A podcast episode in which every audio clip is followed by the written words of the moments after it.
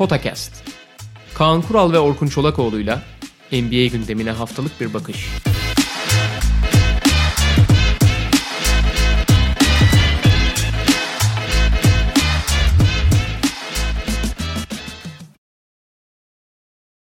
Merhaba, Potakest'e hoş geldiniz. Kaan Kural'la birlikte bir süre sonra karşınızdayız. Malum yaşadığımız deprem felaket sebebiyle bir dönem, kısa bir dönem yayınlarımıza ara vermiştik. Tabii hani o dönem trade deadline'a denk geldi. Dolayısıyla onu sıcağı sıcağına konuşmadık ki bugünkü programımızın da konusu oradaki hamleler olacak. Zaten sonrasında da lig işte yaklaşık bir haftalık bir araya girmiş durumdaydı All Star'dan ötürü. Biz de bugün devam ediyoruz kaldığımız yerden ve deadline sadece deadline derken tabii ki son günü kastetmiyoruz. Öncesindeki hamleleri, öncesindeki birkaç günde yaşanan gelişmeleri konuşacağız Kaan Kural'la birlikte. Tabii şunu söyleyelim Kaan abi yani irili ufaklı bütün hamleleri, bütün takasları konu etmeyelim dedik.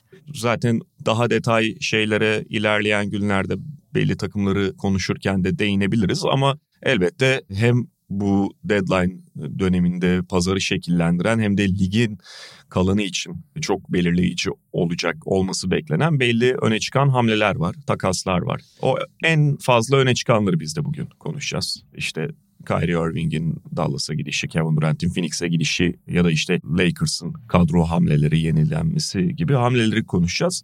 Genel olarak hani deadline'ı yönelik bir şey söylemek ister misin? Ondan Bence... sonra daha spesifik şeylere geçebiliriz. Ee, ya bence üç tane ana nokta var yani deadline ile ilgili. Birincisi abi hamlelere baktığın zaman bir tarihinin aktif takas trade deadline aktivitesi oldu herhalde. Yani e, ya bu 2008 benim aklıma geliyor bununla evet, yarışabilecek olacak evet. olarak. 2008'de ilgili 2008'den yani 2008 ile paralel ama bahsettiğin 15 yıl öncesi yani hı hı. trade deadline'de hareket hep olur. Ama bu denli büyük, bu denli ligin dengelerini değiştirecek ve bu denli çok hamle kolay kolay olmaz. 20 30 takımın 28'i hamle yaptı. Bazıları çok çok ufaktı evet. Değ, bölünmeye değmez ama 10 12 tane takımın hakikaten yapısını belli ölçüde değiştiren oldu. Birincisi bu. İkincisi hamlelere bakarsan bütün büyük hamleler batıda oldu aslında. Doğuda şu anda biraz hiyerarşik olarak ilk üç gibi gözüken Boston, Philadelphia ve Milwaukee önemli önemli demeyelim de zaten hazır olan ve iddialı olan kadrolarına çok güzel birer küçük rütuş yaptı, rütuş yaptılar. Milwaukee'nin zaten yazdan beri peşinde koştuğu biliniyordu. Bir tane kanat oyuncusuna ihtiyaçları vardı. Jay Crowder'ı almayı başardılar. O Phoenix Brooklyn takasının devamında. Jay Crowder bir senedir basketbol oyununda oynamadığı için ne durumda olduğunu hiç bilemiyoruz ama tam Milwaukee'nin ihtiyacı olan o fizikli 4 numarada oynayabilecek. İşte Yanis yanında 4 de yani Yanis 5'ken 4 de oynayabilecek ya da 3 de oynayabilecek. Şut atabilecek bir uzun profilinde gözüküyor ki hani Jay Crowder'ın son 3 sezonuna bakarken iki final bir tane de NBA birinciliği var. Yani normal sezon birinciliği var. Yani hani önemli takımların parçası olmuştu. Philadelphia onlar da hareketli bir kanat oyuncusu arıyorlardı. Çok yönlü skorer yani skorer tarafı o kadar öne çıkmıyor. Onlar Jalen McDaniels aldılar. Boston'da sezon başında çok verimli olan ama son dönemde Robert Williams alternatif olarak kullanabilecekleri 5 dışarıda 5'lerini destekleyebilecek Luke, şey Luke Cornett nereden çıktı? Mike Muscala'yı aldı ki Mike elit bir şütör. Mike Muscala birçok eksiği olabilir ama elit bir şütör. Onlar da onu ekler. Onlar küçük cilalarla yaparken onları takip eden ve ya bunların en iyi 3 takım olmadığını iddia edebilirsin. Ben sıralamada en iyi 3 diye düşünüyorum ki bence de daha iyi durumlar. Onları takip eden takımlar yalnız onların üstünlüğünü tehdit etmeye yönelik pek bir şey yapmadılar. Hı hı. Cleveland zaten 30 takım yani iki tane takım hiçbir şey yapmadı. Biri Cleveland. Hı hı. Cleveland hiçbir şey yapmadı. Miami çok ufak bir değişken. Kevin Love'ı aldılar şimdi bayağı. Onlar buyout'tan yaptı buyout'tan. hamleleri. Onlar da hemen hemen hiçbir şey yapmadı. Deadman'ı göndermişlerdi. Yani onu bir hamle Hı-hı. olarak sayarken göndermek bir hamle değildir. New York biraz hani kayda değer bir şey yaptı ki bence onların oyun stiline çok uyan Josh Hart gibi bir ismi aldılar.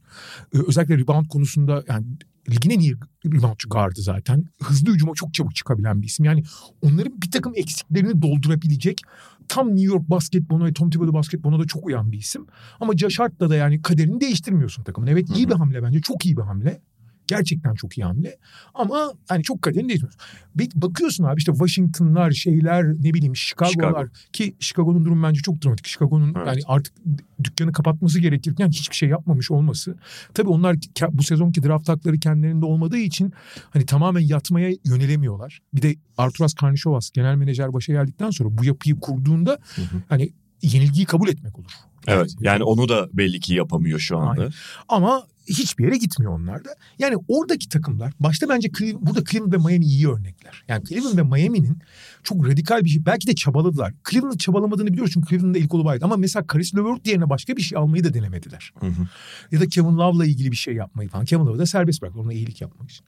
Ama tepedekiler biraz sanki dokunulmaz, dokunulmaz demeyelim de alttakiler onları geçebileceklerini çok hissetmiyor olabilirler. Hı hı.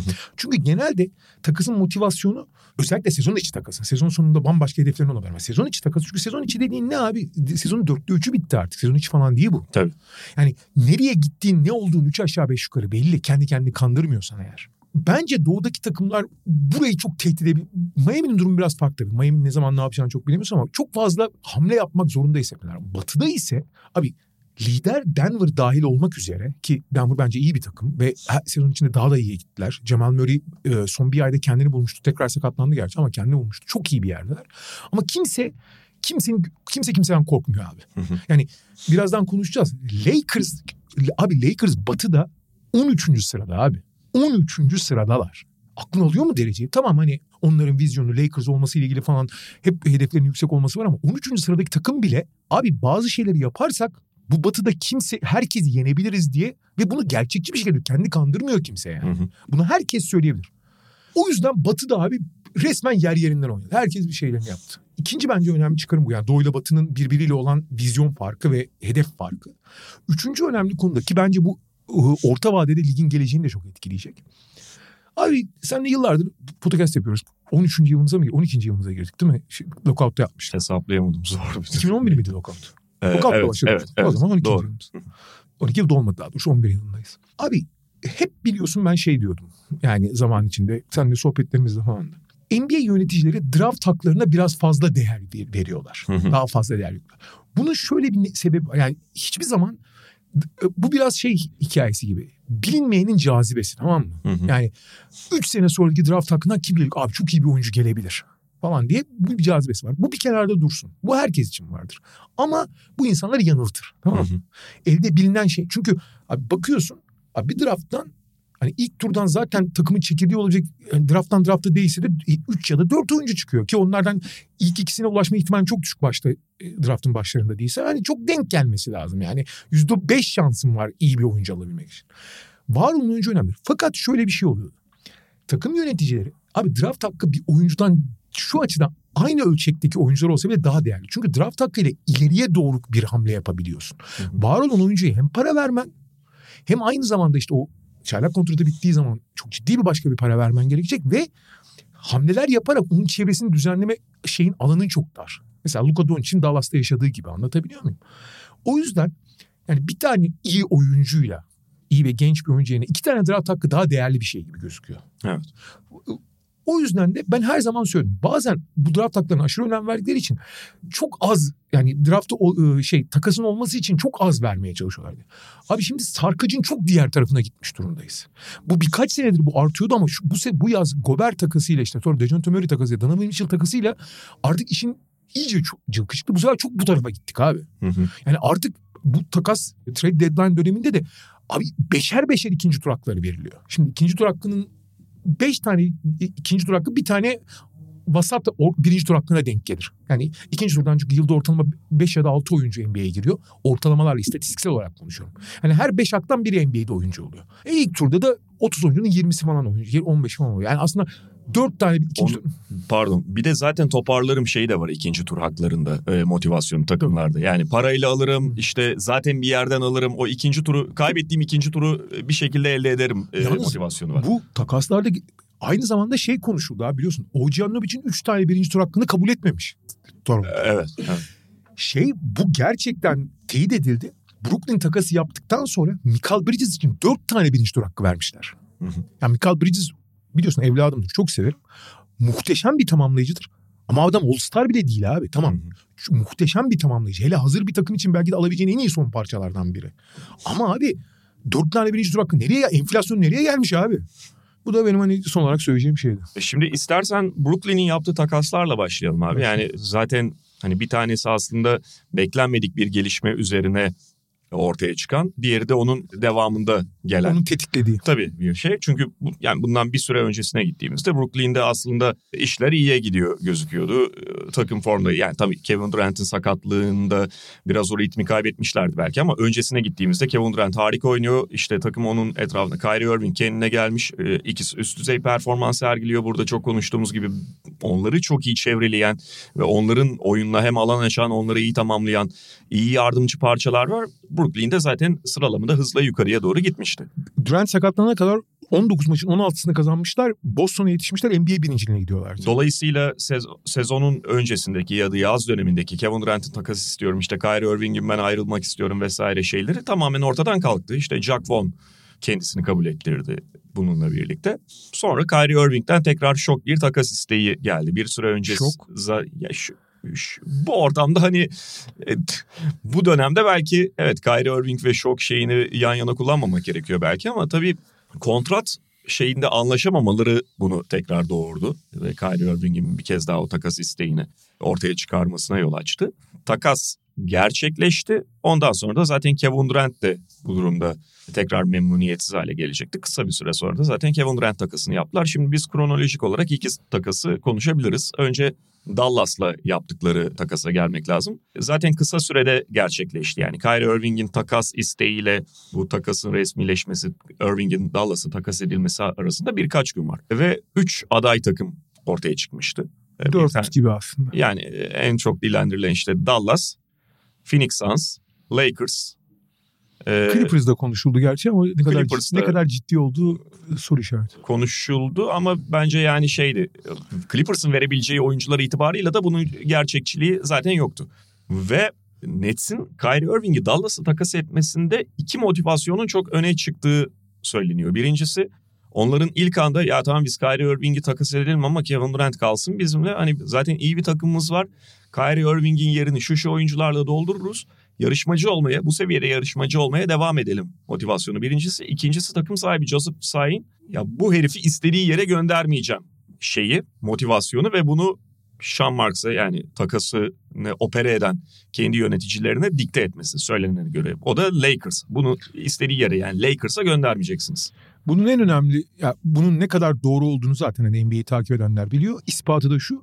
Brooklyn takımdan ayrıldıktan sonra Durant için tamam normal. TJ Warren için de için bile çok güzel bir veda mesajı ve teşekkür yayınladı. Kyrie Irving'le ilgili tek kelime yok. Evet. Yani Yani al, defol git lan demedikleri kaldı yani. Aynen öyle oldu. Kaldı ki yani şöyle bir tarafı da var. Şimdi iki takası ayrı ayrı konuşuyoruz ama belli noktalarda da birlikte değerlendirmek gerekiyor. Sen Kevin Durant takasını birkaç gün sonra yaptıktan sonra Dallas'la olan takasındaki o ilk motivasyon biraz taca çıkıyor zaten. Aynen öyle. Bir parça taca çıkıyor. Yani sen o zaman neden yarışmacı tutacak beni oyuncular e, alayım diye inat ettin? Çünkü şu da var. Yani Lakers'ın o Kyrie Irving için vermeye hazır olduğu iki pik gerçekten çok değerli pikler olabilir. Ve direkt onlara gidilebilirdi. Yani şey konusunda çok haklısın. Onlar %99, %100 demeyelim. Çünkü içeriğini çok bilmiyoruz ama %99 oranında Kevin Durant'le Kyrie belasından kurtuluyoruz. Yepyeni bir takım oluruz. Çok da iyi oluruz diye Evet. Çünkü Spencer Dinwiddie ve Dorian Finney-Smith çok değerli oyuncular olsa da böyle bir takımın oyuncuları değiller. Yani eğer öyle olsa yani Kevin Durant'in de Durant ayrılacağı... gittikten sonraki takım. Aynen öyle. Durant'in gideceğini de düşün yani Durant'i de pazarlamaya çalışıyor olsalardı muhtemelen Josh Green'i isterlerdi.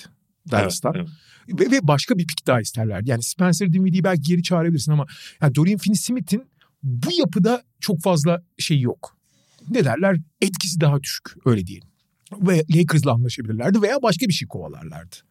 Hiç önemli değil. Çünkü Clippers'la o zaman anlaşmaya çalışıyordu. Üçlü bir takas yapmaya çalışırlardı vesaire vesaire. Mesela Dorian Finney-Smith'i çok isteyen bir takıma üç takas yapıp da ekstra pik alabilirlerdi. Belli ki onlar Durant'le birlikte yola devam etmeyi düşünmüşler.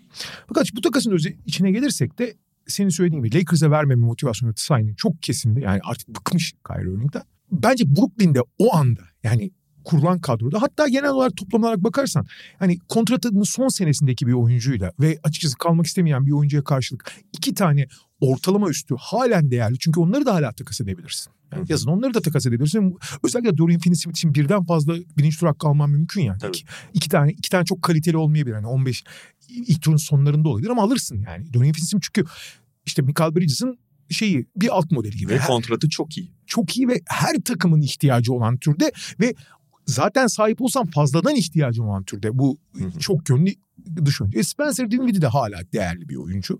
Hatta takımda da tutarsın. Hı hı. Artı hani ilk çıkışında Brooklyn'de yaptığı için Brooklyn'in içinde ayrı da bir hani eve dönüş hikayesi var. Ha. Brooklyn zaten şey başa dönmüş gibi gözüküyor. Yani bu Durant'li Durant Kyrie'nin gelişine 4 sene önceki haline dönmüş gibi gözüküyor. Kendi draft hakları yok ama başkalarından tonla draft hakkı var. Bu draft yani bu takas hala mantıklı. Durant kalmasa da. Kalsa çok daha mantıklı olacaktı. Olaya bir şey esinden Brooklyn'e sonra geri döneriz şeyden. E, ikinci takası konuştuktan sonra.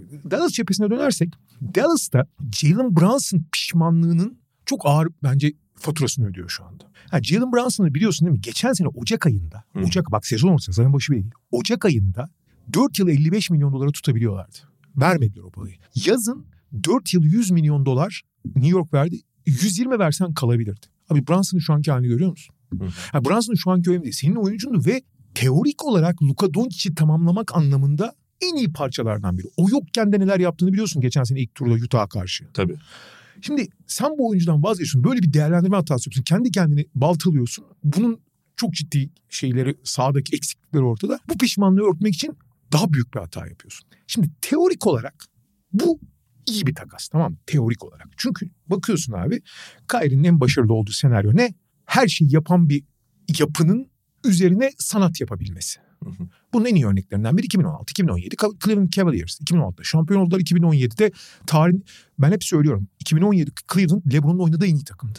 Hı hı. Açık ara en iyi takımdı. Fakat tarihin en iyi takımına tosladıkları için paramparça oldular. Ama kağıt üzerindeki mesela parça birleşimini eşleştirmeyi çok rahat yapabilirsin. Yani Aynen. LeBron, Doncic Aynen öyle. çok rahat Aynen kafada yan yana diziliyor. Aynen aynen. Bi- Birebir uy- uygulanabilir. Şimdi buraya kadar sorun yok. Tamam mı? Hı hı.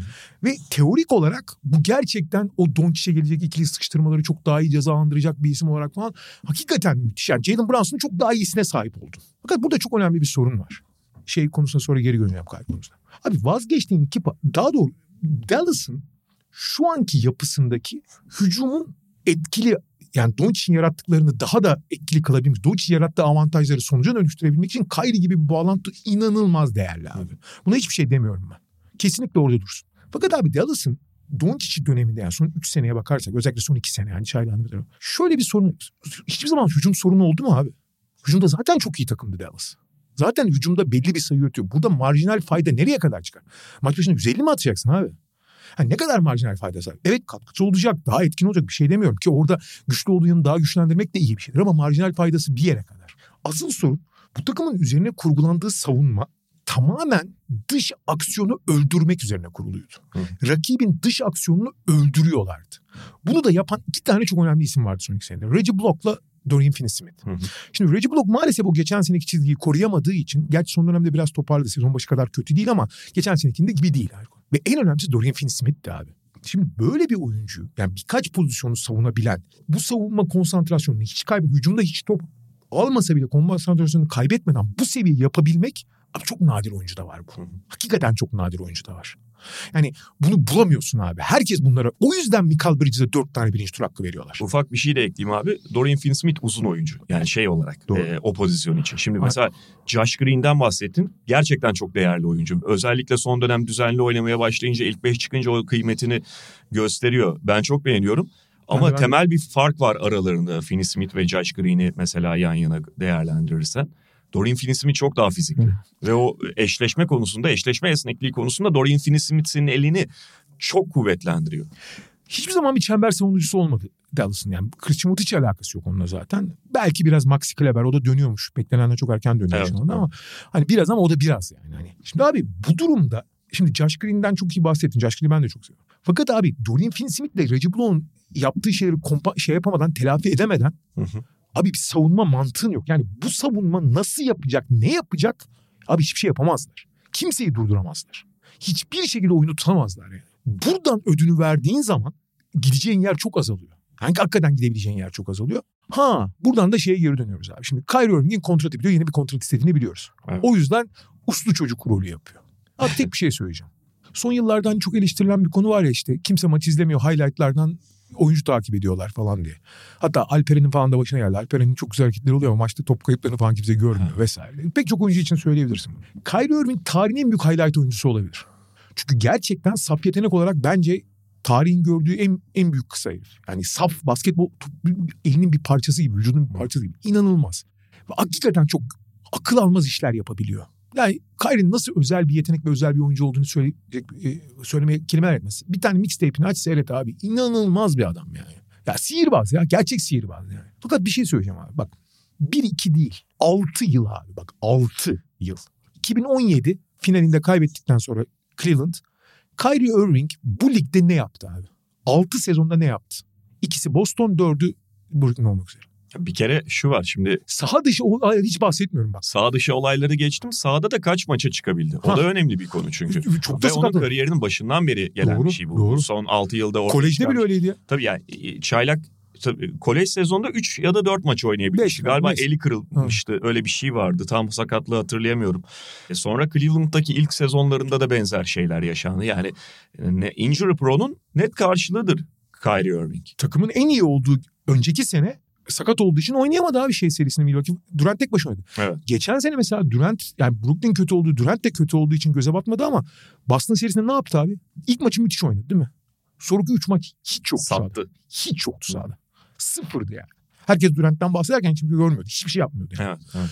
Bak şimdi o seriyi bu seriyi geçtim ben. 6 sene bak 6 sezon boyunca Kyrie şu takımı şöyle artı değer kattı. Boston'ı biliyorsun Doğu şampiyon olarak Doğu pardon Doğu finalisti Boston'a gitti. Boston'ı baltaladı. Evet. E sonra 4 sene Brooklyn'de ne yaptı abi? Ne yaptı? Bu takımın daha iyi bir noktaya olağanüstü oynuyordu. Daha iyi bir noktaya ne yaptı getirmek için? 6 sezon abi. Ha bu 6 sezonda tabii saha dışında her geçen gün biraz daha şuurunu yitiriyor olmasını hiç bahsetmeye gerek yok yani. Ee, ve şu var yani en son olarak Şimdi Luka Doncic ile Kyrie Irving de beraber e, mutlu mesut olmaları ve bunu işte birkaç aydan fazla sürdürmeleri en kolay ikili değil. Şimdi bu işin iki tarafı var. Kyrie Irving'in arızalıkları falan tekrar tekrar belki konuşmaya gerek yok. Bu işin bir de Luka Doncic tarafı var. Yani Kyrie antikalık yapmayacak mı bu takımda? En azından kontrat alana kadar belki yapmayacak. E, e, bir yerde ama Luka Doncic de Luka Doncic'i de bıktırıp e, Luka Doncic'i biraz böyle şey yapmak yani canını sıkmak çok tehlikeli bir şey. Dallas açısından çok tehlikeli bir şey. Artı öbür tarafına baktığımızda tamam şimdi hani mesela sen de bahsettin teorik olarak Kyrie Irving o topsuz oyun tamamlayıcı şeyine falan çok oturuyor da bu adamda da enginlere sığmayıp taşıyan bir ego var biliyoruz. Luka Doncic LeBron'dan dahi en azından istatistiklere baktığında daha fazla o topu elinde bulunduran, daha fazla tutan, daha fazla her şey kendi ekseninde olsun isteyen ya da bugüne kadar böyle kurulmuş bir adam. Bilmiyorum çok fazla soru işareti var. Kolay gelsin. Ama şu var tabii yani Mavericks senin bahsettiğin o hatalarından sonra biraz da çaresiz hale geldi bunun için. Yani nasıl Lakers'ta bu takası yapmak isteyip yapamayan Lakers da aslında büyük bir riske giriyordu. Onlar da çaresizdi. Dallas da o çaresizliği yaşadığı için e, ne olacaksa olsun dedi bu hamleyi yaparken. Çaresizlikten yapılan hamleler genelde insanın başını daha büyük belaya sokuyor abi. Gerçek hayatta da bu geçerli. Evet. Peki diğer tarafına gelelim. Yani Kevin Durant'in Phoenix'e girişi. Ee...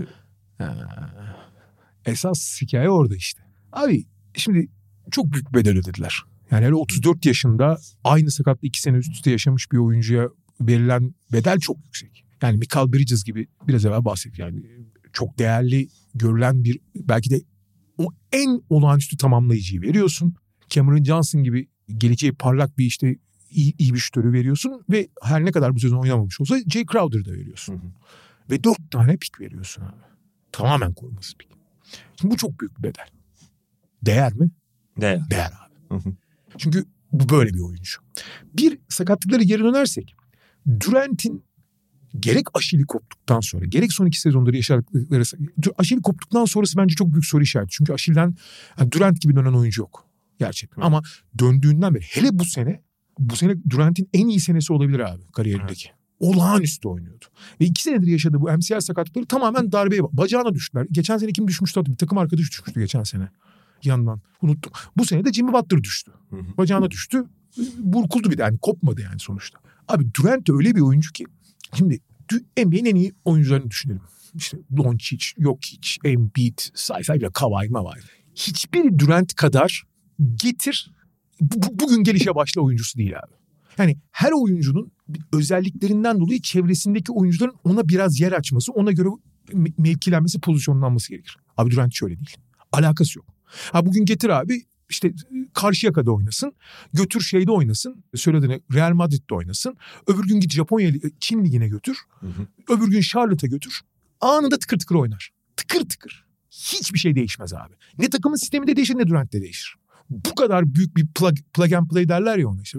Bilgisayar tabiri. Böyle bir oyuncu yok. Ve bunu hani sakatlanana kadar ki bu sezonki performansına baktığın zaman kariyerinin zirvesinde yapıyor. Abi bu sezon %94,5'la foul atıyordu biliyor musun? Evet, evet. Kariyerin en iyi serbest atışı ve en iyi 3 katlı yüzleri orta mesafeleri zaten bu standart sapmalar var. Yani lig ortalamasını ne kadar? Abi standart sapmayı kırdı. İstatistik bilimini kırdı yani. Yani lig ortalaması %48.2 mi ne? %59'la falan atıyordu orada. Ya şöyle bu sene düşüş yaşayan e, şeyi onun üç ya da beklenen çizgide Hı. olmayan diyeyim. Üçlük isabet oranı. Buna rağmen bildiğim kadarıyla kariyerinin en yüksek yüzdesiyle oynuyor genel isabet oranında. Saçma. O da tamamen işte seni orta mesafedeki akıl almaz etkinliğinden, verimliliğinden ortaya çıkıyor. Abi serbest atışta öyle yani %86-87 ile atan adam %94,5'la atıyor bu sene. Neyse. Ve biliyorsun aynı zamanda yani belki de mutlak sorun çözücüdür. Yani evet çok üst düzey oyuncular var. Yanisler, Lebronlar bir şey demiyorum. Ama abi Durant mutlak sorun çözücü çünkü bir şey yapmasına gerek yok. Topu verdiğin zaman herhangi bir şekilde topu potaya atabiliyor. Herkesin üzerinden attığı için. Tabii. Şimdi bu zaten başlı başına Durant'ın önemini bir kenara koyalım. Fakat Phoenix için biraz daha önemli diğer herkesten. O yüzden zaten bu devasa bedeli ödemeye razı oldular. Bir tabii takımın başına Matt Ishbia'nın takımı satın alması ve hemen bir hamle yapmak istemesinin ayrı bir motivasyonu var. Biraz gaza gelmesinin yeni takım sahibi. Fakat abi şimdi Phoenix'in penceresi kapanmak üzereydi. Yani Chris Paul kaç yaşına gelmiş? Geçen sene çok büyük hayal kırıklığı yaşamış. Yani beklentiler çok artmış. Böyle bir şey yapma. Yani bu kurşunu atmaları lazım. Orası evet. bir kenarda. Yani diğer oyuncularda bu durum geçerli olmayabilir. İşte Devin Booker'ı, Michael Bridges ya da DeAndre Ayton'da o pencere kapanması geçerli olmayabilir ama Chris Paul'un penceresi kapanınca senin de penceren kapanır Aynen. ya da çok fazla değişiklik yapman Çünkü gerekiyor. Çünkü abi Michael Bridges'de yani en son işte Ayton'a gelen Michael Bridges de tamamlayıcı bir oyuncu. Evet. Abi Durant'i getirdiğin zaman şöyle de bir avantaj da elde ediyorsun diğer her şeyin dışında. Abi senin en önemli iki oyuncun, en önemli üç oyuncundan ikisinin hayatı çok daha kolaylaşıyor. Bir Devin Booker hiçbir zaman yani rakip savunmaların ana merkezindeki hedeflediği ikili sıçrama getirdiği oyuncu olmayacak. Ve en önemlisi yavaş yavaş artık yaşının etkilerini hissettirmeye başlayan zaten sakatlık problemi olan Chris Paul'u bir skorer olmaktan çıkarıyorsun. Hı. Chris Paul'un en büyük özelliği hazırlamaktır abi.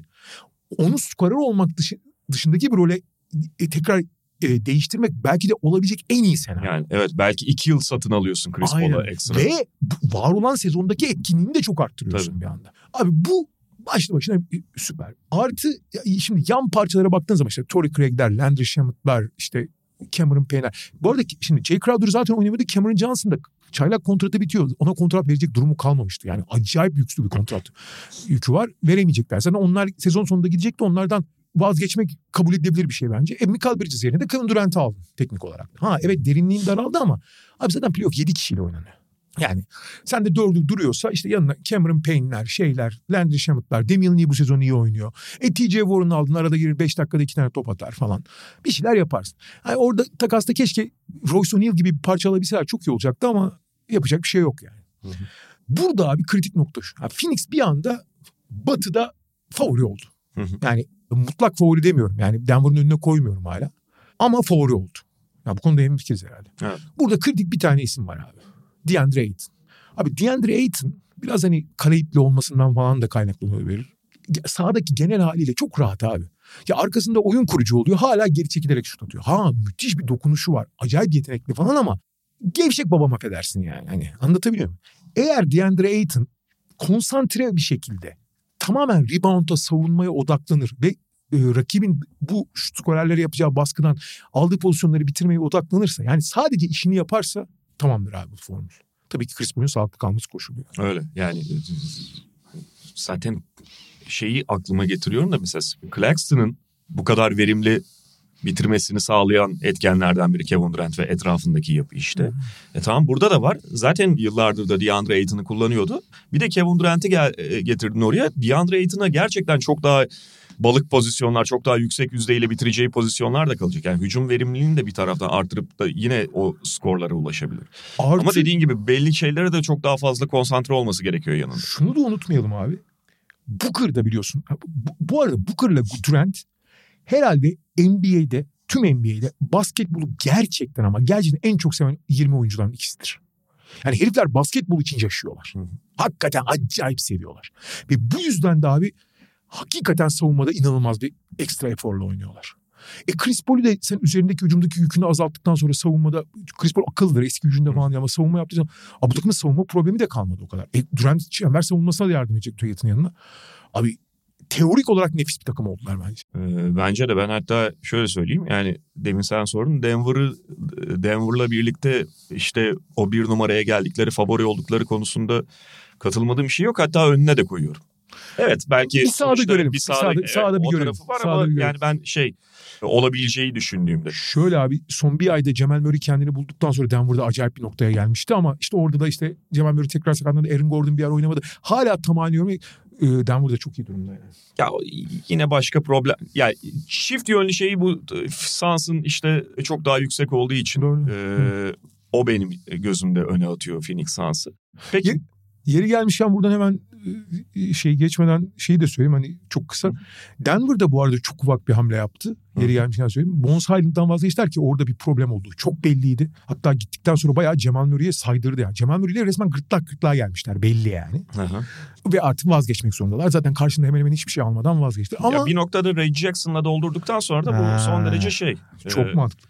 Ve Ray Jackson için ideal ortam var. Ray Jackson çünkü en büyük özelliği boşluğa saldırmaktır abi. hı hı. Bu takımda bulacağı kadar kolay kolay bu başka yerde boşluk bulamayacak. Çok iyi.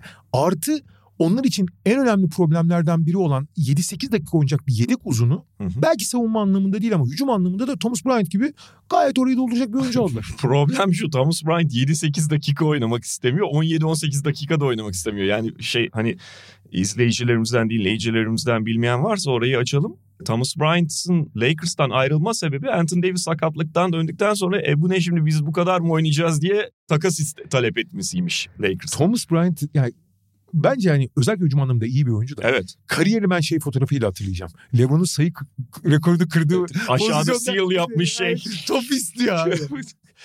Neyse Abi, fundamental olarak doğru. Abi şöyle söyleyeyim. Yani, e, anında meme, yani instant meme diyor. Instant meme abi. Aynen. Yani LeBron NBA tarihinin sayı rekorunu kıracağı topa giderken Bryant pas pas pas diye bağırıyor. Abi buradayım. buradayım boşum abi. Muazzam bir fotoğraf o ya. Peki ya dediğimiz gibi belli hamleleri konuşuyoruz bugün. Çok ufak şeyleri konuşmuyoruz. İşte yani lafı geçti bu buyout hamleleri ya da işte belli ufak takasları da önümüzdeki günlerde takımları konuşurken tekrarlar ya da değerlendiririz ama şeye geçelim. Minnesota, Utah, Lakers arasındaki üçlü takasa İstersen geçelim. çok kısa hemen şeyden bahsedelim de bu Bonsaï'nin takasından bahsetmişken. Aha. Burada Clippers da bence kendine göre mantıklı bir şey yaptı. Bonsai, onlar zaten çok parça parça oynadıkları için Bonsai'nin de onlara girip 7-8 dakikada ekstra skor verebilecek bir oyuncu. Onlar için de mantıklı. Ama sonra yaptıkları hamlelerle Bones Island yani şey oldu biraz bence. Taca çıktı.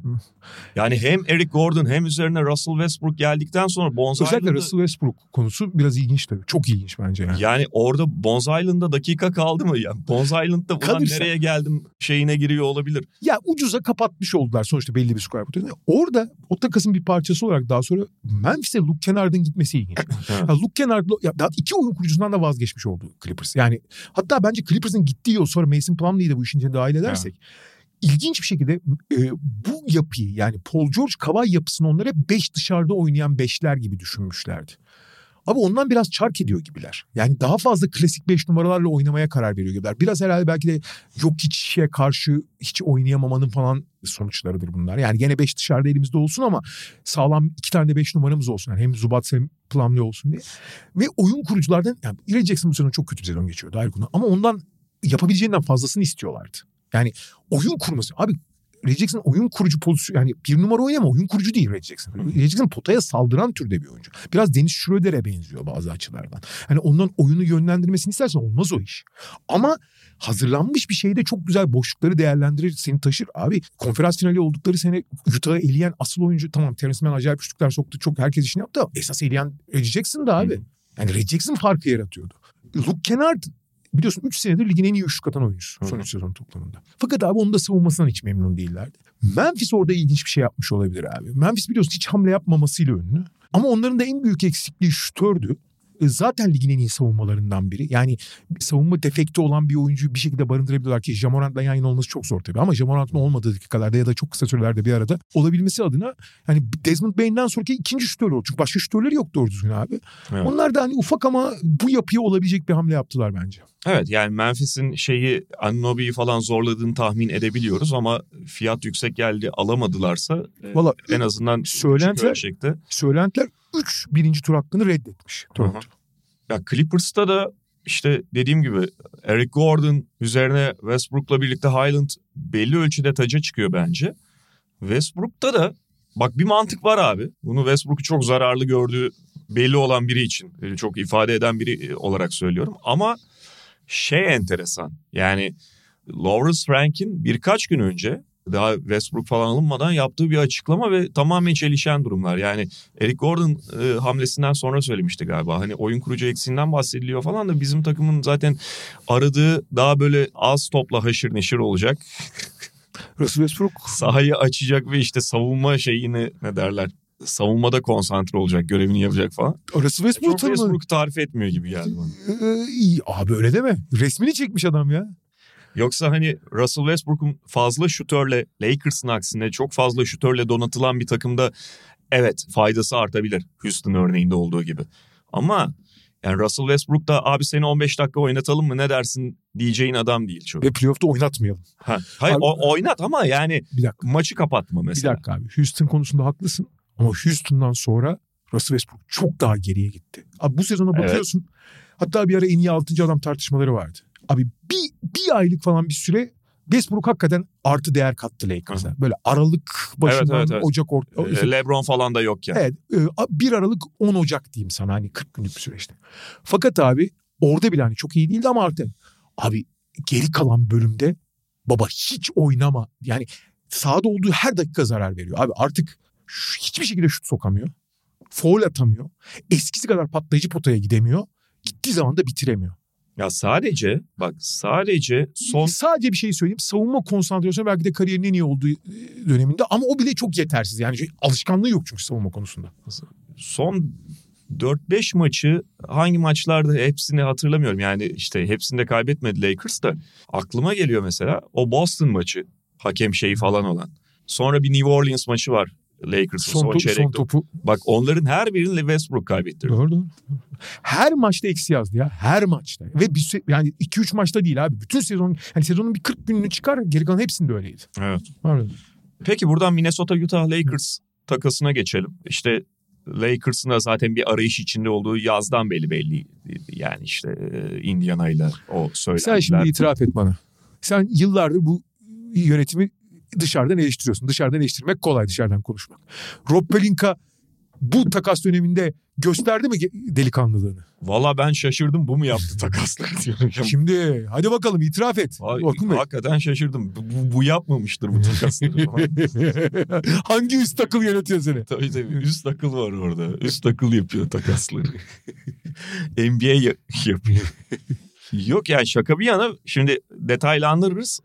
Ben Kyrie Irving şeyini yapamadıktan sonra özellikle biraz da hani belki çünkü başka zorluklar getiriyor. Lakers'ın bir şey yapmaya çalıştığı belli. O dönemde LeBron Kyrie Irving gibi bir şey istediğini yine belli etti. Hatta bir röportaj verdi. Şimdi LeBron'u da bir yandan memnun etmelisin. Ya da en azından memnuniyetsizliğini önlemelisin. Lakers üstelik o 2027 artı 2029 gibi iki pikin ikisini birden harcamadan bence yapabileceği en iyi hamleyi yaptı. Hamle bütün şeyin yaptı. Kesinlikle, diğerleriyle birlikte düşündüğümde. Kesinlikle katılıyorum. Orada şey çok kritik. 2027'nin şeye gönderilen ilk dört korumalı mı? Utah'a gönderilen 2027'nin ilk dört korumalı olması ve dört korumasından sonra bir sene sonraya atmıyor. Direkt ikinci tura dönüşüyor. O çok çok kritik. Ben orada ciddi bir başarı elde ettiklerini düşünüyorum. Yani belki ilk dörde de düşebilir ama bu takası, bu anlaşmayı bu şekilde kabul ettirmek bence Pelinka'nın hesabına net bir artı yazar. Aldığı oyuncular da direkt olarak takımın şu anki ihtiyaçlarına karşılık veren LeBron Anthony Davis ikilisinin yanına oturan tipte oyuncular. Abi sonuçta Lakers'san bir karar vereceksin tamam mı? LeBron'la Anthony Davis'in hala seni şampiyonluğa götürecek bir ikili olduğuna inanıyor musun? LeBron yaşlanıyor, Davis ne kadar ve ne zaman oynayacak belli değil. Buna inanmıyorsan abi bu işten vazgeçin. Fakat vazgeçemiyoruz çünkü LeBron'u takas edemiyoruz. Hı hı. LeBron sezon sonuna kadar takas olamıyor kurallar gereği. E Davis'in takas değeri çok soru işareti. Ee, Böyle gitmez bu sezon. Zaten draft hakkın sende değil. New Orleans'a vereceksin zaten. Evet. Yani ya daha doğrusu sende ama New Orleans'ın swap hakkı var. Yani New Orleans haklar, New Orleans isterse hakları değiştirme hakkı var. Hı hı. O yüzden kötü gitmenin de bir anlamı yok. Ama ka- kaldım böyle yani. Abi eğer Davis'le LeBron'a inanıyorsan hala ki en azından uzun vade yani bütün sezon geneline bakmazsan ama küçük bölümlere bakarsın hala buna inanabilirsin abi. Davis'in bir bir aylık bir süreci var. Ya kariyer zirvesi oynadı re- resmen neredeyse. Onun tekrar ve bir playoff dönemi boyunca sağlıklı kalabileceğine inanmak artık bu, bu, bu şu anda abi Anthony Davis'in böyle iki ay falan aynı seviyede sağlıklı kalabileceğine inanmak hakikaten çok zor olmaya başladı. Ama buna inanmak zorundasın abi. İnan, yani inanmaktan başka çaren yok. yani. Alternatif ne? Alternatifin yok yani. Ve LeBron hala LeBron abi. Hı. Yani tamam belki zirve LeBron değil ama hala LeBron. Yani LeBron'un eskisi değil yani. LeBron'un yaşlısı. Yani yaşlanmış hala ama eskisi değil. Eskimiş değil LeBron. LeBron sadece yaşlanmış. Yani ya- yaşı büyük. Bu şey gibi abi otomobil alıyorsun. Mesela ulan 20 yaşında alınır mı Mercedes diye. Kimi vardır 20 yaşında işte Mercedes paramparça kimi de pırıl. Abi LeBron hala LeBron. Hı hı. LeBron hala LeBron ve ben bazen ağzım açık seyrediyorum. Yani hakikaten hakikaten çok çok acayip bir şey. Geçen gün bir yerde konuşuyorduk. Abi LeBron basketbolun Tom Cruise'u ya. ha, gerçekten abi. Yani Tom Cruise abi işte kariyerine başladığı zaman 80'lerde işte ilk, ilk Top Gun'dan önce kokteyl mokteyl falan. Ka- Top Gun'la bir tane aksiyon yıldızı oluyor. Baba adam hala Mission Impossible aksiyon yıldızlarının kralı yani. Hakikaten. LeBron Tom Cruise'dur abi benim için. Ve çok büyük saygı duyuyorum yani. İleride zaten şey tartışması yok. GOAT tartışmasında da benim fikrim çok ciddi değişmeye başladı yani. Neyse. Değişmeye başladı derken hani benim kriterlerimi doldurmaya başladı. Şimdi bu o zaman bunu tamamlamak lazım. E abi bunun yapılmışı var. Şampiyon olmuş takım. Ertesi sene de şampiyonluk adayıydı. Favorisiydi hatta. Elendi ayrı konu ama niye elendi? Davis ve LeBron sakatlandığı için elendi. Hı. Ama o, e, şimdi LeBron ve Davis'in sakatlanıp sakatlanmayacağını bilemeyiz. Ama yapılmışı var abi. Bir şampiyon olmuş bir tane de şampiyonluk favorisi. Ne? Bunların etrafında şütörler topla işte ekstra şeyler yapabilen tamamlayıcılar besliyorsun. Al abi. D'Angelo Russell. Biliyorsun benim belli seviyenin üzerindeki oyuncular arasında en sevmediğim oyuncudur. Asla temas memas sevmez. Asla yaratmasını beklemeyeceksin. Ama bu takımda yaratmasına gerek yok ki. Lebron yaratacak sana. Şütör olması gerekiyor ve şütör. Bu sezon çok iyi oynuyordu. Bu arada. Biraz da yaratmasını isteyebilirsin bu arada. Yani o kadarcı o kadarcığını da yapabilir. Kendisine yaratsın ama başkasına yaratmasın abi. İşin ilginç yanı D'Angelo Russell belki de kariyerinin en iyi sezonunu geçiriyordu bu sezon. Evet. Onun da kontrat sezonu bu arada. Fakat abi şu da bir çok şey anlatıyor bence. Kariyerinin en iyi sezonunu geçirmesine rağmen Minnesota apar topar kurtulmak istedi adamdan. Hani buna rağmen. Ama abi LeBron'un yanında tamamlayıcı nokta şutör olarak iyi mi? İyi. Toplu oynayabiliyor mu? Oynayabiliyor. E abi şeyin yanına e, Anthony Davis'in yanına onu tamamlayabilecek işte Vanderbilt gibi bir uzun Hı hı. veya başka türlü tamamlayabilecek Mo Bamba gibi uzun. Yani iki türlü Hı. tamamlayabilecek uzunlar aldılar. Biri içeriden agresif oynayabilecek, bir dışarıdan oynayıp blok tehdit edebilecek uzunlar. E abi takıma şütör lazım. Malik Beasley gibi çok istikrarlı olmasa da iyi bir şütör olduğunu bildiğin bir oyuncu alıyorsun. Bu Schroeder'in hayatında çok daha kolaylaşıyor. Schroeder'i tamamen delici gibi kullanabiliyorsun. Yani ikinci beşini Aynen. e, yukarıya çekiyor Belli kuvvetlendiriyorsun. beşlerde Schroeder'i de e, şey sahaya alabilirsin delicilik anlamında falan. Ve Westbrook'tan kurtuluyorsun Ve Westbrook- başına. Aynen öyle. Abi şöyle söyleyeyim. Hani bu tabii son 3 seneye bakarken Pelinka dememek lazım. Pelinka ile Lebron kararları veriyor abi. Evet. Yani Lebron vermeden olmaz. Yani Lebron onayı geçmeden hiçbir şey olmaz yani. Doğru doğru. Ya da Lebron. Olmaz. orası öyle. Herhalde onların döneminin, Lebron Pelinka döneminin en başarılı idari şeydi, kararlarıydı bunlar. Olabilir. Ha, bu arada zaten kendi bozdukları şeyi tekrar eski haline getirmeye çalışıyorlar. Ayrı konu ama ne olursa olsun. Ee, ve şöyle bir şey var ya sen şampiyonluk sezonu formülden bahsettin ya orayla tabii ayrıştığı şu nokta var. O takım daha iyi savunmacılardan kurulu. Şutu daha problemli oyunculardı. Yani gidip gelen oyunculardı e, şutu. Burada da savunması daha problemli genel bir havuz var. İşte D'Angelo Russell da vücut bulmuş şekilde. Ama şutör olarak mesela şimdi dolayısıyla da ofansif potansiyel olarak daha yukarıda bir Lakers. Ama şey konusunda çok haklısın. Ben hani benzerliği söylerken o takım iyi, çok iyi savunma takımıydı. Ve aslında temeli savunmaydı. Bu takımın savunma yapması çok zor. Çok zor savunma yapması bu takım. E, İşte bu takımda biraz şeye artık sırtını yaslayacak. Yani Anthony Davis Evet. yanında mümkün olduğunca Vanderbilt'i oynatayım. Bence mesela dramatik iş değiştirecek bir oyuncu olduğundan değil ama ilk beşlerde mutlaka Austin Reeves'i kullanmalılar. Evet. Ee, Artı- daha mantıklı. Artı playoff'ta belli sekanslarda yani maç içinde üçer beşer dakikalık yani 3-5 değil de 100 hücumun 20'sinde falan Lebron'a da güvenirsin her zaman. Tabii tabii. Yani böyle bir dengeleyi e, dengeleyecek beşleri bulman gerekiyor. Ya bir anda Lakers şey olmadı. Tekrar böyle en net şampiyonluk adaylarından biri olmadı. Yanlış anlaşılmasın. Şartlar dahilindeki takastan bahsediyoruz. Ve hani çok konuşulan bir şey. En son onu söyleyeyim. Bu takasları Lakers'ın sadece bu sezonun kalan bölümü için değerlendirmemek lazım. Yani o yüzden o 2027'yi 4 sıra korumalı falan vermek sor- sonrasında ikinci tura dönüşecek şekilde anlaşmasını sağlamak önemli. Transfer yapmış oldu Lakers. Artı şöyle hem transfer yaptı hem de şöyle Bundan bir sonrası için. hem esnek şöyle bir esnekliği var. D'Angelo Russell'ın kontratı bittiği için sene sonunda ciddi Ha. bir şekilde cap cap e, space olabilir. Ya D'Angelo Russell tekrar anlaşabileceği gibi yeni başka bir oyunculara da yönelebilir. E tabii Hachimura da öyle mesela. Tabii. Daha önce hani e, biz onu tekrar burada konuşmadık tabii ki ama Hachimura'nın da kontratı bitiyor. Belki birkaç ay sonra başka bir yola da gidebilirler. Aynen. Ve şeyden bahsedeceğiz abi. Toronto, San Antonio son olarak. Orada da tabii Jakob Pöltl'ın yuvaya dönüşü mü diyelim. Toronto'ya e, dönüşü var. O işin bir de şu boyutu var tabii. Toronto'dan herkes başka bir hamle bekliyordu. Evet. Ee, Tam tersi yönde hamleler E, bekliyor. Evet yani işin şaşırtıcı kısmı Toronto'nun satıcı olması beklenirken Toronto'nun alıcı olması ve alıcı olurken de yani Jakob Pöltl çok değerli bir oyuncu. İşte ilk maçları şeyi o e, gayet ne verebileceğini gösterdi. Zaten Toronto'da oynamışlığı var falan ama Allah Allah delirtti böyle Toronto yaptığı hamleyle. Valla beni biraz e, Clippers hamlesinden daha fazla burası çok ilgilendiriyor. Bence e, yakın gelecekte biraz futboldaki üçlü savunma, dörtlü savunma tartışması gibi beş dışarıda beşler mi daha iyi yoksa klasik beşler yani klasik işte gerçek çember savunuculu beşler mi? Tartışması çok oluyor. Abi Toronto Jakob Precious Achiuwa döndüğünden beri çok iyi oynuyor. Biliyor musun? Aha. Bilmiyorum. İlk beşe de yerleşti zaten. Abi ondan sonra hatta Pörtl geldi yan yana oynattı onları bir de. E, şeyin olayın, olayı neydi abi Nick Nurse'un? İşte 5 tane 2-5 civarında 2, 2 metre 2 metre arası oyuncu işte herkes herkesi savunabilecek öyle bir oyun oynayalım Hı hı. tarzı bir şeydi. Ha, bunun bununla ya bunun olamayacağını daha önce çok konuştuk. Ya bunun sezon boyunca olmasına imkan yok abi. Yani bu NBA basketbolundaki oyuncular çok yetenekli. Bu aşırı bu kadar eforu bütün sezon sürdürmek ve bu efordan devşirdiğin şeyleri playoff'a taşımak da çok zor. Ve bu sene duvara tosladılar. Ve gerçek 5 numaralarla oynadıkları bölümlerde ne kadar daha normal ve daha insan gibi oynayabildiklerini göster. Çünkü abi ben hep söylüyorum 2013 Miami'nin belli dönemler yapabildiği dışında yani bütün maç tuzaklı savunma yapıp yani ikili sıkıştırma, sıkıştırmalar üzerinden oyun oynayarak basketbol olmaz. Bu yetenek seviyesinde olmaz. Yani 20 yıl önce olsak tamamdı. 20 yıl önce kilit oyuncuları sıkıştırma yaptığın zaman topu alabilirdin yani bir şekilde ya da bo- bozabilirdin. Şimdi öyle bir şey kalmadı abi. Olmuyordu. Nitekim onlar da bence artık bu yani klasik 5 numarada yani tamam maçın içinde şey yapabilirsin. 5 kısaya dönebilirsin. Ama klasik 5 numaraların sahada olması gerektiğini belli dönemler için en azından onlar da kabul etmiş gibi gözüküyor bana. Ee, Ama senin söylediğin konu çok önemli. Yani e, her şey bir tarafa yani buna bu şey e, stratejik değişiklik ayrı bir tarafa.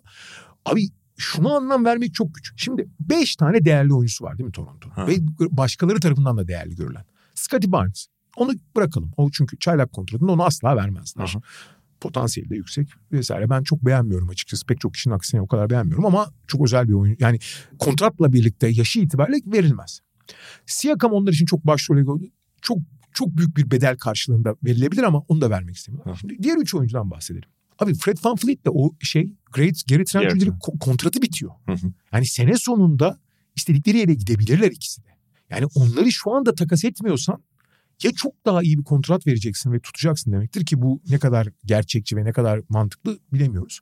Şu anda takas et- ya ve bu sezonun sezonki durumuna bak abi zaten zar zor play'in yapacaksın. Hı Onları şu anda vermeyeceksen çok büyük hata ki ikisine de müşteri olduğunu biliyorsun. Çünkü rakipler çok istedikleri türde oyuncular. Van Fleet de, de.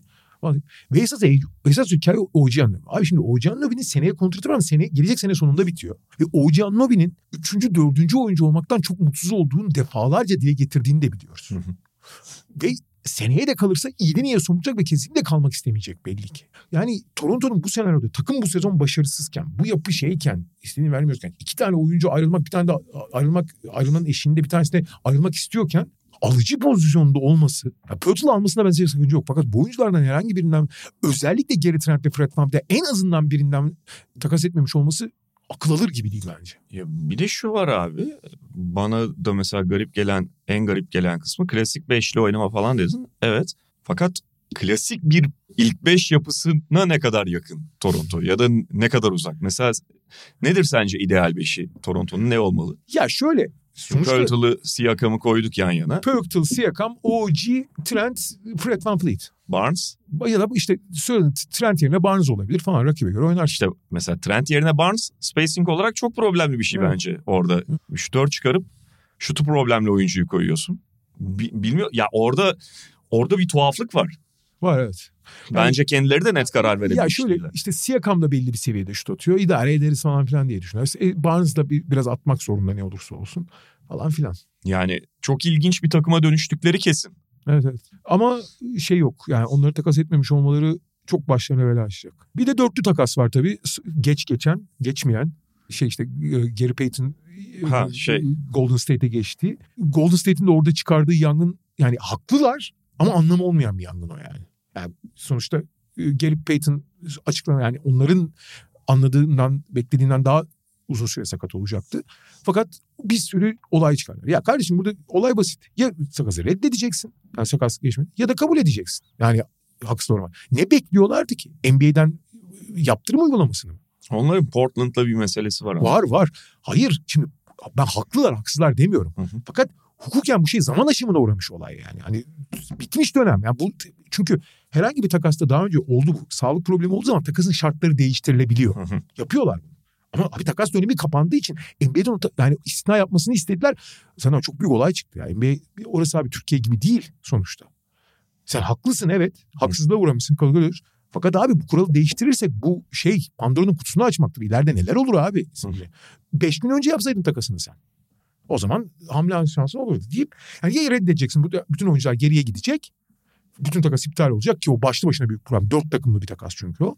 E, düşünsene abi senin takas ettiğin, yolladığın oyuncular geliyor. James Wiseman geri gelecek falan. Olacak iş değil. Kabul etmek zorundaydılar. Evet haksızlığa uğradın. Evet bir taraf 3-5 bir şey daha at şeyi. ama abi işte. atamıyorsun işte. Normalde yaparsın onu. Abi 3-5 bir şey daha olmadı. Yani ya bu haksızlık oluyor diye. Ama bu o saatte yapamazsın.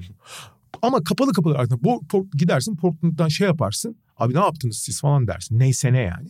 Ki sonra da açıklandı ki onların iddia ettiği hiçbir şey gerçek değilmiş. Bu Toradol iğnesi olmuş. iğne falan değilmiş. O ağızdan alınan bir şeymiş. Artı onların söylediği gibi değil. 3 ay oynayamayacak diyor. Şimdi bir buçuk ay içinde dönecek deniyor falan filan. Zaten neyse. Herifler haklılar bir şey demiyorum ona. Ama çok gereksiz yangın yaptılar. ya. Ama sonuçta abi o Golden State'de eğer biz takasın olmuş halinde konuşursak yaptığı iki hatayı itiraf etmiş oldu. Bir, geri Payton'ı tutmamak. Hı hı. Çünkü o kontratı versen kalacaktı. Thornton aldı geri aldın adamı. İki, James Wiseman'da gerçekten büyük hata. Yani iki numaralı Evet. seçimi çöpe attıklarını gösterdiler. Gerçi orada çok suç bulmamak lazım. Çünkü o biliyorsun pandemi sezonu. Yani hiç kimsenin doğru düzgün bir kolej yani ne idman yapıldı yani çaylaklar arasında ne şey söylediğine kolej sezonu oynandı falan filan. Yani herkes 3-5 maça bakarak oyuncu seçmek zorunda kaldı. Yani çok gelişi güzel bir draft oldu o yani. Evet yani Wiseman da az oynamıştı. Ondan sonra şeye geldi. Golden State'in kötü takımının içine düştü. Yani oyuncunun da tamam yetersizlikleri falan vardır ya da işte oyuna yaklaşımında problemler vardır ama ideal orta idealin çok uzağında ortamın içine düşmüş Ve oldu bence. NBA'deki 30 takım içinde olabilecek en kötü takım Wiseman, e, Golden State. Evet, evet. Çünkü Golden State çok fazla hareket üzerine ve düşünmek üzerine oynanan bir oyun oynuyor. Mesela bak Kelly Oubre de öyleydi. Abi Kelly Oubre Phoenix'te gayet hani eksikleri olsa da gayet yararlı bir oyuncuydu, bir parçaydı. Charlotte'da da öyle. Abi Golden State kabus gibiydi. Çünkü hiç kafası basmıyor Golden State'in oynadığı şeye. Wiseman'ın da biraz öyle. Wiseman'ın tabii çok temel bir sorunu var. Wiseman'ın atletizmi, fiziği, şutu falan her şeyi var görüyorsun. Ama abi eller taş tamam mı? Hı hı. Hiç el hassasiyeti yok. Abi öyle oyuncunun, hele uzun oyuncunun başarılı olma ihtimali çok düşük. Yani en azından tabanı belli diyeyim. Yani çok ciddi sorunlu bir oyuncu olacak. Hele Golden State'de hiç olmaz o iş. Olmuyor da zaten. Ha Neyse Şimdi- Detroit bu gibi, e, gibi oyuncular için güzel bir rehabilitasyon Tabii, tabii. merkezidir demek isterdim. Onlar da nedense hani patlamış ikinci tur ikinci sıra seçimleri işte Marvin Bagley'den sonra onu da aldı. Bir de abi şimdi Wiseman nereye gitse iyi olacak diyordum ben yani Golden State dışında. Ama olabilecek en kötü yere gitti abi. Hem Marvin Bagley var hem bu sezon özellikle sezonun ikinci yarısında gayet iyi oynayan ve oynatman gereken Jalen Duren var. Evet. Niye gidiyorsun? Hatta yani Isaiah Stewart var. Isaiah Stewart'ı dörde çektiler Jalen Duren'i oynatabilmek için. Ama hani abi ne gerek var ya başka oynayıp saçmalayacağı bir yere gitmesi lazımdı. Şimdi gene saçma sapan Jalen Duren'a da yazık Wiseman'a da yazık yani. Bu arada Jalen Duran acayip bir reboundçu abi. Yani NBA'in yeni rebound patronu olacak yani. G takımına göndersinler. Evet. Ee, o takas dörtlü dedik. İki parçası daha var işte şey Portland bu daha sonra işte Matisse Taybul'u alacağı ikinci tur haklarını aldı. Onlar Josh Hart'ı Matisse Taybul'u değiştirirler ki bence mantıklı. Matisse Taybul eğer bir herhangi bir NBA takımında verimli olacaksa olağanüstü şütörlerle bezeli. Yani şutuna hiç ihtiyaç olmayan bir takımda olması lazım. Ve abi Anthony Simons, Damian Lillard, Jeremy Grant'ın olduğu takımdan daha iyisini de bulamaz yani. Evet ama işte orada da konu hep konuştuğumuz gibi yani bu ne kadar devam edecek? Evet. Yani o, o Portland'ın iki sene önce bu işe reset atması lazımdı. Takasın son tarafı Sadik Bey'in Detroit'ten yani X çaylak sezonunda beklenenin çok üzerine çıkan ve hani çok değerli bir oyuncu olarak gözükürken her sene geriye giden Sadik Bey'in o Golden State'e gelecek diye düşünüyorum. Zaten orijinali oydu takasın biliyorsun. Wiseman Sadik Bey'di yani hayal kırıklığı yaratan çaylak kontratlı oyuncular gibiydi. Evet. İki taraf için de mantıklı. Yani daha doğrusu Wiseman için hiç mantıklı değildi ama mantıklı gözüküyordu. Sonra üç, dörtlü takas, üçlü sonra dörtlü takasa döndü. Atlanta kaptı aradan Sadik Bey. Bence çok yani Sadik Bey gibi oyuncular her zaman abi tamam evet düşüşte bir oyuncu ve hiç bekleneni verememeye var. Yani çaylak yılından sonra hep geri gidiyor ama abi şu da tam fizikli kanat oyuncusu yani daha ne istiyorsun ya? Hı hı. Yani ya oynanacak bir kumar. Atlanta'da da bu arada koç gelişmesi var. İstersen onu haftaya konuşalım. Nate McMillan'ı durup durup en sonunda saldılar. Geç, ee, çok geç kalınmış bir karar. Geç kalınmış bir karar da burada yani rahatsız edici olan dediğim gibi hani daha detaylı istersen haftaya konuşuruz ama... Hı bunun biraz e, Yeniçeri ayaklanması sonucu en sonunda olması ve işte genel olarak Atlanta'da oyuncuların o hakim olan şeyi soyunma odası kültürü. Bence onları daha da aşağı çekecek ya da bundan sonra Nate McMillan yerini doldurmaya çalışırken Atlanta istedikleri koçları birinci ikinci tercihlerini elde edememelerine de yol açabilir. Abi oyuncuların kontrolü yani oyuncuların gücü artık NBA'de çok ortada. Ama tamam kontrol, ama işte bu kontrolü tamamen ele geçirince neler olacağını Brooklyn'de gördük işte. Yani bunun dozları var. Son olarak Brooklyn'den de şey bahsedeyim. Brooklyn'in şu anda geldiği nokta bence hiç fena değil. Hı hı. Abi ligin en derin takım 15 tane falan oyuncuları oldu ya. Böyle bir seviyede oynadık. Ve abi aradaki en büyük problem. Abi ben Russell Westbrook'tan bahsettik ya. Şu takas dönemiyle ilgili olarak çok önemli bir nokta var. Artık abi takasın en büyük tetikleyicilerinden biri şeydi. Hani bir oyuncuya yatırım yapıyorsun. Uzun bir kontrat veriyorsun. Fakat oyuncu istediğini veremediği zaman o kötü kontrata dönüşüyor ya. Ondan kurtulmaya çalışıyorsun. Hı hı. Abi NBA'de hemen hemen hiç kalmadı onlardan. Çünkü kontratlar zaten 4 ya da 5 sene olduğu için yani zaten hani 2 sene en fazla kötü ihtimal 2 sene sonra bitiyor oluyor ve öyle aman bu kontrattan kurtulmak için her şeyi veririm diyebileceğin kontrat sayısı çok eski oranda çok azaldı. Hı. Abi şu anda tek örneği Ben Simmons olabilir ya. No. Abi Ben Simmons'ın durumu akıl alır gibi değil. Sen J.J. Redick'le şey podcast'ini dinledin mi? Ben Simmons'ı mı? Yok dinlemedim. Abi ben bu kadar gerçeklikten kopuk çok az adam görüyorum. Yani sahada olanları da görüyorsun zaten. Yani NBA'ye geldiğinden beri hep şey diyor. İşte 3 sayı atmam lazım atacağım falan diyor. Hiç atmıyor. Ben bu kadar inatçı, bu kadar başına yani olan biten için başkalarını suçlayan, kendine sorumluluk aramayan, kendi hala çok değer gören ya bu kadar gerçekten kopuk bir oyuncu görmedim. Ve sahada şu anda bırak hani kontratının karşılığını vermemeyi sahaya çıkarmaman gerekiyor. Şöyle, Direkt zarar veriyor. Şöyle bir problem de var bence. Bence kendini gerçekten değerli görseydi gerçekten ama e, yani içselleştirmiş olarak bunu hissetseydi bu problemler bu kadar derin olmayabilirdi. Ben Simmons'ın oyununda çünkü çok hissedilen bir özgüven kaybı var. Yani şey olsaydı gerçeklikten kopuk bir böyle özgüven hali olsaydı en azından kendi iyi yapabildiklerini gerçek oyunun üstün taraflarını devam ettirebilirdi. Öyle. Onlar da kaybolmuş durumda. Çünkü oyuncu belli ki o güveni kaybed kaybediyor. Pot, potaya inanılmaz baskı kuran bir adamdı abi. Yani Westbrook'un büyüğüydü yani resmen. Yani şey o hissiyatında olsaydı Ben Simmons ya susun lan ne şutu bilmem ne ben oynarım böyle de oynarım kimse de beni durduramaz. O inatçılıkta olsa Westbrook var. Bunun da zararları var ama bu kadar hani e, şeye dönüşmez. Bu kadar artık lüzumsuzlaşan bir oyuncuya dönüşmez. Abi eskiden maç başına işte 9'da 5, 11'de 6, 11'de 5 foul atardı. Kötü foul atardı. Abi şimdi bir ayda 9 foul atıyor biliyor musun? Hı hı. Potaya hiç bakmadığı için. Ocak ayında ocağın 26'sına galiba. Kasım şey Aralık 26 Ocak 26 olması lazım. Emin değilim çünkü. Tam bir aylık süreçte kaç serbest atış kullandı biliyor musun? 9 abi. Hı hı. 13 maç oynadı. 9 serbest 9'da 0 bir de bu arada. Evet.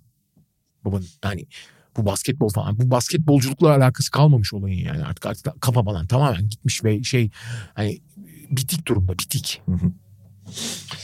Peki Ekleyeceğim bir şey yoksa bugünlük bu kadar diyelim. Dediğimiz gibi diğer detay hamleleri de zaten önümüzdeki günlerde takımları değerlendirirken tekrar dile getirir, konuşuruz. Podcast'ten bugünlük bu kadar diyoruz. Tekrar görüşmek üzere, hoşçakalın. Hoşçakalın.